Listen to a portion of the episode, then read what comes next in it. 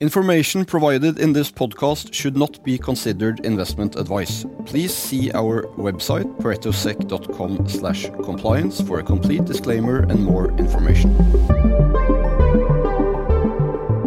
Hi everyone and uh, welcome to this podcast live from day two at Pareto's 29th annual energy conference. Few, if any, teams have been higher on the agenda the past six months than the topic we are going to discuss right now that of energy security. Because what lies behind this?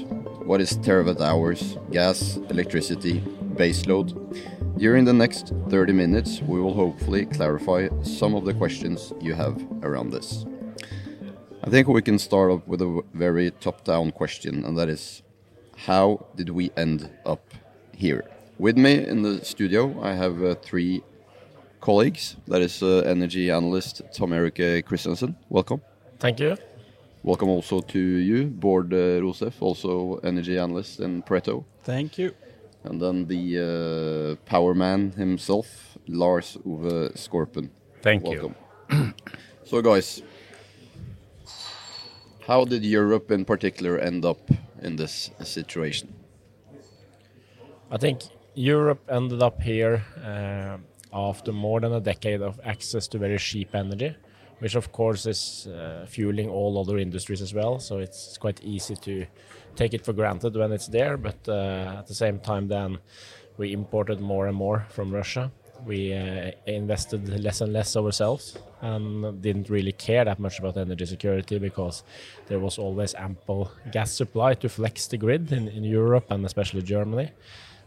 So uh, and then the, independ the independence after after a while it becomes less and less. You get more and more dependent on other sources, and then of course it becomes a huge problem and it disappears overnight. Yeah, because it's not like uh, demand for gas in Europe has exploded over the last decade. It's been flat to slightly declining. It's just that European production uh, is much much more down due to regulations. Um, and uh, Russia has supplied that gap. Because let's face it, we had the same discussion in 2014 with Russia. Yeah. We didn't take it serious enough. Or we just thought that that would be a reliable source of, of supply, which it has been, but up until this point, obviously. But I also think that you know Russia, uh, Russia is one thing, but uh, Germany has done a lot of uh, you know bad uh, judgment they have phased out in reality their nuclear fleet. You know, they panicked when they saw what happened in Fukushima and they decided, let's close this down. Terrible uh, decision. They closed three last year. They're about to close three at the end of this year. That might not happen now, but you know, this is this is really bad. And then replacing uh, you know base load that is regulated with unregulated intermittent solar and wind that creates problems. I want to elaborate a bit on on uh, on the things you just said because base load wind solar that is maybe not something that is on top of uh, all our listeners mind Okay, so so take solar and wind. Uh, it, we call that intermittent power, and the reason why we call that is that basically it comes on when the sun shines and when when the wind blows, but you don't control that, and, that's the huge problem. And when you then take out power that you in reality control, and and coal obviously were meant to go and has more or less disappeared, but of course it's coming back again now also because uh, they they need power. But but the problem is taking out everything that you can regulate with a lot of power that you are not able to regulate. Then you get more dependent on Russian gas. That's just the way it is. Yeah, and I think also that uh, people have been a bit naive. Of course, that's pretty obvious today where we stand now. But uh, it is very hard if you try to be nice to everyone and you say it's a free uh, system where you know uh, the lowest cost supplier can can supply to you and then over, over, time, you know, then Russia gained market share because they sold us a lot of cheap gas. There was many times, you know, if you look at the oil market, there you have always had or for a long, long time, several decades, OPEC that is kind of trying to push prices up, and and, uh, and that uh, several times in the last years. You know, people have wondered why do Russia put so much gas into the European economy? Why don't they hold back a little? Because gas prices has been low for 10 years, basically, much lower than people expected you know, on average. So why has that happened? Of course, because Russia has been interested in increasing market share, which mean, means increasing the, the European dependence on their power, and and of course that when it comes to a point, it, that becomes a strategic resource for them. And I guess that was 55% for Germany alone, dependency on Russian gas. You know, it's a terrible mistake. Yeah, it's just just crazy, basically. So I think that they call it free market, the, the thinking that you know the lowest cost supplier uh, can just outcompete anything else. Um, those kind of minds. Also that you know we have, you don't really want to invest in oil and gas to supply internally in the EU, but you are fine importing it from someone else, then then you know you end up in a situation which is unsustainable long term, especially if uh, what you thought or hoped would become a trusted partner is, not. But each and every country in Europe and especially Germany have probably been too naive in thinking of energy security and how important that actually is for national security. Yeah, definitely. I think I think so, and I think what a lot of people uh, don't that often probably think about is is all the industries that actually use this power. You know, that's fertilizer, it's uh, steel, aluminium. It's, it's, it's, a lot of the stuff we need to to either you know uh, grow food or or uh, build buildings or. Uh, uh, all of all of the, the other industries depend on, on the power as well. You know that's why we have some of these strong industries in Norway as well. Has been the access to cheap hydropower. So of course, then when energy becomes scarce, it's, it's, a huge problem, and that is what you're seeing in, in Europe now. It has been deflationary as well, right? When, when when energy is cheap, because you can produce cheaper, obviously, and you can sell your products cheaper out to the consumer. While right now, that is that is by far the case. Um, I think I think in I mean politicians are always getting a lot of uh, heat, but uh, like uh, I think Otto Ulset in the uh, in the panel yesterday said like, yeah, I know what I should do, but I don't know how to get re-elected doing that. Yeah, that was a very good comment. Yeah, I agree. And yeah. uh, and um, and, and it's now, true. It's true. Yeah, you need to see a crisis before you can uh, can uh, really do what you should do. Because like now we have built no contingencies into the system. Uh, we're uh, focusing on intermittent power. We're focusing solely on reaching the one and a half uh, degree uh, increase target. There's a big difference between that and two degrees. We haven't sort of you haven't politically been able to say anything else. So we haven't built any uh, contingency into the system. That's exactly what we're we're seeing the effect of now. That actually brings me into my second question because it doesn't seem like everybody has fully taken into account the situation we're actually in because we're kind of throwing darts around and blaming I'm blaming you and you are blaming me. But those are kind of we need, probably need to look at the map and see okay we are where we are. What can we do? What are the short-term solutions? But even more importantly what can we do, do longer term in order to have a sustainable energy situation in Europe? We're quite clear that you need more of everything. Like Lars Ove knows better than anyone, when when it's sun in Spain, there's no cheaper electrons than than than those generated on top of the houses. Um, but it's not um, it's not uh, it's not always uh, sun in Spain. So you, you need to plan for like changing environment. And, and I and agree, you need all of everything. And I normally say, you know, uh, ele Electron always try to reach Paris because that's where the price is highest. Uh, and of course, we have a fantastic uh, uh, resource. We have a very good wind condition offshore. We should definitely get moving faster than we, at least what it's looking right now, because now we're th thinking about maybe the first kilowatt hours out of offshore wind in Norway would not be here before 2030. That's not a very ambition, uh, if you ask me. There are a lot of talks, but uh, too little action. I think also I saw uh, Erna Solberg today is out rethinking maybe the whole onshore wind thing. Uh, I think that she also, and, and uh, with her many others, that we also need to restart the onshore wind thing because in reality, new capacity in Norway, for instance, take Norway now, new capacity uh, of scale will have to be wind. It would have to be offshore wind, it will have to be onshore wind. And we should get going with both of those. Mm. Yeah the the problem. I mean, it's uh, it's it's always the cheapest, and, and I think what's been the case, uh, at least for some period now, is that you try to disincentivize oil investments. Yeah.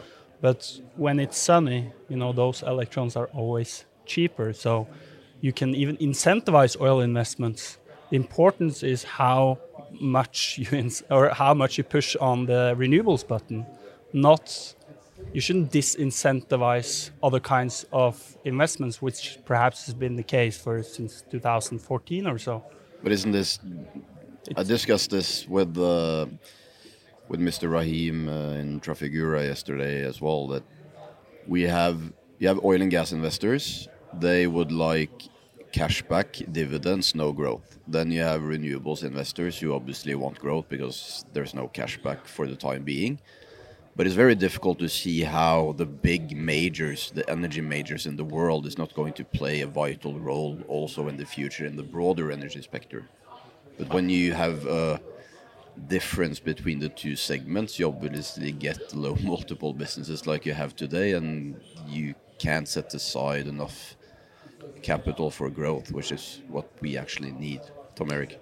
Yeah, no, I think that's that's completely clear. And I think people have to keep in mind some of the energy majors in Europe, for instance, that's some of the biggest companies in the world, also in terms of scale and what they can do in terms of size of projects. So um, I think one good example uh, here in Norway is, is Equinor that you know is is doing quite a lot in renewables now. Of course, of course, a bit too late. You know, they they could have been even earlier. Then their offshore wind division would have been like Ørsted today, but but they are moving fast now. And I think uh, to put put it in a perspective, there they are now with the next five years investing an amount into renewables equal to the value of Telenor. So it's 26 billion dollars. So it's a huge figure. So so when these big industrials players start to move, uh, and with the capital they have available, they can do very very big things. And and that of course that provides them with a role also in the energy transition. You see the same with Shell and BP uh, in, in Europe as well, take, taking big positions and, and probably moving into you know a bit closer to the utilities and so some some aspects and and getting into that value chain as well. So definitely think so, and and they also have now with the basically because of the low investments now you have high oil and gas prices. Um, you would have had that without the war in, in Russia as well. Then then they have significant capital to, to put at work elsewhere because they, their existing business is making a lot of money. But back to your, you know, your question, what can you do short term? I think what really uh, amounts to something is to make sure that we at least produce as much gas as possible and ship that to the continental Europe because we are sending or exporting roughly 1,100 uh, terawatt hours, and uh, and you know that's a huge amount of gas that we're sending to them. We have to make sure that that is on full throttle all the time. The electricity that we produce uh, for export is maybe uh, plus minus 15 terawatt hours. So in reality, it doesn't account to anything in order to solve the problem. And I've heard that um, there is a, you know, if the winter gets cold, you know, uh, Germany might not have enough electricity or gas this winter. So I think what the, you know, what the most important we do that make sure that we deliver on the gas side. Yeah, and and this winter is sort of that is the what it lies closest ahead. But next winter will probably be even worse because we're starting off at a very low level next year. Yeah, we're basically hoping to get through this winter by drawing uh, all the storage we have. So so then you of course gets out of this winter with terrible position, and then you have a few months to try to get that up again. And but that has been sort of yeah. that has been the narrative in the media as well. That yeah, yeah, but storage is back up at levels which is fine for the winter, and everything is good. That has sort of been some of the comments I've read at least. I think also what people have to keep in mind there, which is obvious now, and you see it in the pricing, right? Gas is up, I think, 15 times, uh, something like that. Uh, So it's uh, the, the market is telling you something there, but uh, the storage capacity is quite limited compared to consumption. So that storage has worked, um, but you shouldn't really look at historical graphs and say that oh now we have quite a good storage because it's the storage is so little of the total demand. So what has been saving us It's historically twenty-four percent or something, isn't it? yeah, so so what's been saving us historically has been that the gas has always been flowing, right? So you can okay, it's a bit less some days, then we take something from storage, but it's not like now when it's zero every day. So uh, so I, I completely agree with uh, with Lars over there. Um, Norway need to run the gas business at 110 percent. Equinor is doing that right now. But that need to continue, and you also saw um, Habeck here, the vice chancellor of, of Germany, mentioning, you know, thank you, thank you for the Norwegian gas. It's, they are totally dependent on it now to get through this winter, and it's uh, after all, it's about people, right? So Equinor, uh, back in the old days when they were proud of the of the gas deliveries, and which they are again now after, after a couple of years with focusing on other things, it's they used to have on the homepage, you know, that uh, that is heating and, and providing the energy for 160 million Europeans. So it is big numbers. It used to be a liability, right? Oh no, it's gas. yeah, it was a while. ago. Uh, let's talk. I mean, it, given given that gas is very critical right now, it, we tend to speak a lot about gas. But let's touch upon oil as well. Have you have we we been naive in the same way given given the shale growth that we saw back in 12, 13, and I mean back to Trafigura's presentation yesterday. Obviously shown that rig count is up, Brent is at 100 to 120, but the production is basically not moving, and the part of the production which is moving is Permian, and all other basins are are down. And everybody's just waiting for shale to kind of save us all. Yeah, and it will be very exciting to see if that actually happens. I personally think that we have now underinvested for a number of years, and that that will come into play in a big way anyway. So, so everyone seems to think that shale can take take an, any kind of hit and increase volumes very rapidly. But uh, if you go back to, to the oil price downturn of 2014, it's, it's, it's a lot of focus on shale, but there was also a lot of other mega projects coming on stream at the same time. You know, uh, offshore Brazil, offshore West Africa, these kind of you know 500,000 barrels uh, per day in those years, and, and that that accounts for a lot. And today you have zero or close to zero of these projects. You have some in Brazil, but you, elsewhere there are no one investing in uh, something that has first oil in three to five years. So that will be a big problem, in, in, in my opinion. I think there will be a squeeze there, basically, uh, um, because we have now underinvested, and uh, that that is you know normal in the oil market. This is a cyclical market. You know, you have some very good years, you have some very bad years. Wouldn't you um, say, Bård, that if given that how long this these projects are, you need visibility because these are heavy investments. Shouldn't we strive to give Equinor and other players a 30-year contract on something so they can start to invest with visibility? Is- Isn't that really the longer-term solution here instead of talking about price caps and etc.? Because we nobody will invest in a massive project without knowing what the returns will be two to three to four to five years from now. No, d- definitely, and and uh, there has been no willingness from uh, customers to sign long-term contracts. Uh, but I'm sure if you pay uh, ten dollars per MMBTU the next uh, 15 years to secure that capacity, there there's a lot of projects to be built in in Norway. Uh, but the whole infrastructure is built up on the back of fixed price contracts. Uh, but it is, of course, a good point, right? You had you had long-term contracts, and then you saw you didn't want that, and you had spot prices, price go down, and now uh, the market is undersupplied, and you want uh, there's call for price caps and long-term contracts again. Uh, but that's an important part of the solution because uh, Norwegian gas is cheap, it's reliable, it's affordable um, much lower CO2 footprint than importing LNG from the US. Um, so, uh, so and and long-term contracts is, is definitely key to to to making those kind of investments because oil you can ship, right? Uh, gas is much more infrastructure.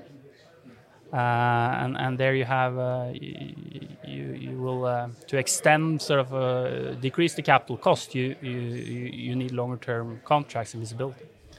So we discussed in a previous podcast uh, around the energy market in, in Norway uh, a bit what can be done on the demand side in terms of incentivizing people to change their windows, isolate their homes, solar on the roof, etc. Now we have been through the supply side, but obviously in the shorter term we, we, we probably need to reduce demand a little bit. Yeah, I think we do, and I think that is already happening. Uh, but of course, uh, when the government now intervenes and and uh, give you 90% support basically for power prices uh, plus. Uh, 70 euro plus uh, VAT, then obviously that is not giving the full effect because then you know, to be honest, some would say, well, you know, why should I save now? Because I'm in reality been bailed out by the government but I guess that's uh, you know there, there is a demand there uh, for that, uh, and uh, also some would say that it shouldn't be 70, it should be actually a maximum price of 50 or even lower. That doesn't make sense at all. Uh, we have to uh, be more careful in how we use electricity and price is a signal that most people over time will understand and that's why you cannot totally insulate uh, this. So in reality we need to do short-term um, call it uh, changes in behavior.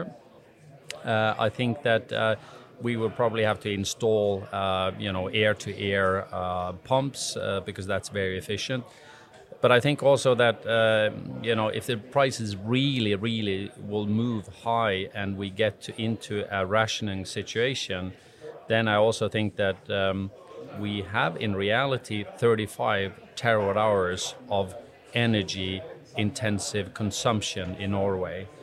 And these, some of these have already started to reduce slightly. Uh, Hydro has taken down capacity on, on two of the plants and Alcoa on one of the plants. And obviously, this is something that we will see happening long time, a long time before you are uh, actually being cut off for, for electricity. So I think we have the so we have the industry uh, flexibility, but also you know consumer in general and companies need to be more careful on how they uh, use their electricity. It's the same in Europe, right, where 72% of the fertilizer production is already down because it's not economically viable to, to keep that production alive. Yeah. Uh, and I think I think one point that's important to remember when we talk about the price signal as well is is the underlying theme of the podcast energy security. What does that fundamentally mean? Is that you're trying to achieve a situation where you have access to electricity, right? So, so you know why are prices so high? It's, it's to force an action that makes sure that you have access during the winter. Actually, that it's because you know the, the alternative is that you, you don't have any power in the house. Basically, that's what's happening in Europe now. That's why you're shutting down, and the price signal is working in that effect. So, so I think that's important for people that don't spend a lot of time on on the, these issues. Is, is to grasp that you know we are so used to and especially in norway you know access to cheap energy and it is there every day. It is in, something we take for granted. Yeah we take it for granted and in europe now there is a clear risk you know that uh, you turn on the light in the morning in germany this winter and nothing happens. You know that that's the reality of the situation. That's what they're working to resolve, of course. I think you know they they as well with shutting down industry and th things like that will will help a lot. They, they will get through the manner uh, the, through the winter, but it will be painful, of course. And, and also a little bit back to I mean the situation uh, for, for, rationing uh, right now. Obviously, 2022 has been an extreme year in the way that we have so much uh, rain, water uh, up north, and in reality nothing on the south. So uh, we are now at the reservoir level that is lower than it has been over the last 20 years, while up north it's the other way around, higher than it has been for 20 years. Uh, obviously, and, and the problem is we're not able to shift that surplus from the north to the south. So that also, uh, you know, uh, calls for increasing the grid capacity, so that in reality we do not have uh, price areas in Norway as we have now, because we have now seen, you know, uh, times uh, hours where there's been 10 20 30 40 times difference between uh, a power price in let's say Tromsø and Kristiansand. And that shouldn't really happen I think we uh, should start to round things off. So, uh, Bård, if you can start off with some closing remarks. Um, no, I, I mean, I'll uh, put you on the spot there. Yeah, definitely did. I, I mean, I think I think one one thing we should include there that sometimes gets lost is why do we talk about gas? Why do we talk about electricity? And why is oil kind of something separate? It's the use. I mean, that's important uh, to, to to to have here. So, gas is used to produce electricity in Europe. Gas is used for heating, where we in Norway use electricity. Uh, just that's what why we're talking about those two things. That's why gas is so important for the power market. So gas prices in Europe are currently uh, setting the electricity prices because it's the most expensive form of production. You will produce renewables at the max all the time. But, but, but that's the, close link we have between gas markets uh, that Russia control in Europe and, and power prices. I think that's um, important to remember here. Um, and uh, yeah, uh, we shouldn't disincentivize oil and gas investments because that is, is, is key in the system uh, today. We shouldn't disincentivize any kind of investment into power production right now. Absolutely Uh, not. Absolutely, and uh, I think just little comment there. I think is you know you, you don't tear down your old house before you have built a new one. So it's uh, we are all about, and I think there's no doubt that the current crisis will accelerate the build out of renewables in, in Europe and, and especially since Europe. And, and, and the EU has very limited access to to hydrocarbons uh, within their borders. Uh, more renewables means more energy security as well for them. But uh, you need to, to keep in mind right now who is delivering a lot of the energy as well today because uh, we will need it this winter. Uh, and also to, to sum up, I think that uh, you know the regulators, uh, the you know oil and energy minister, uh, they all need to, to step up. They all need to speed up the approval process so that new capacity can come online quicker than it has in the past. Uh, and also storage uh, would need to be addressed as well. I think that um, we have to see more of pump hydro storage, batteries, ammonia, hydrogen, etc. And of course, as I mentioned, the grid. And you know, lastly, also the negawatt, as I'm getting back to, uh, I also mentioned that in the uh, previous podcast, the power that we don't produce. That is, uh, you know, the easiest power to basically save money on. I think we will uh, leave it there. Obviously, it's uh, easy to get into a bit of a depressive mode uh, when you talk about the situation right now. It is a serious situation, but mankind has uh, tended to come up on top of every uh, every uh, problems they have faced earlier. So hopefully, we will find some way to to get out of this um, this mess this time around as well. We will for sure. Tom Erik, Bård, and uh, Lars Ove, thank you very much for uh, sharing your thoughts with uh, our listeners, and uh, see you next episode. Thank you. Thank you. The information provided in this podcast should not be considered professional advice and is not intended to constitute investment advice. Investing and trading in all types of securities involve considerable risk at all times, and past performance is not necessarily a guarantee of future performance. Pareto Securities does not accept any form of liability, neither legally nor financially, for any direct or indirect loss or expenses that may arise from the use of information provided in this podcast. Please see our website paretosec.com/compliance for more information and full disclaimer.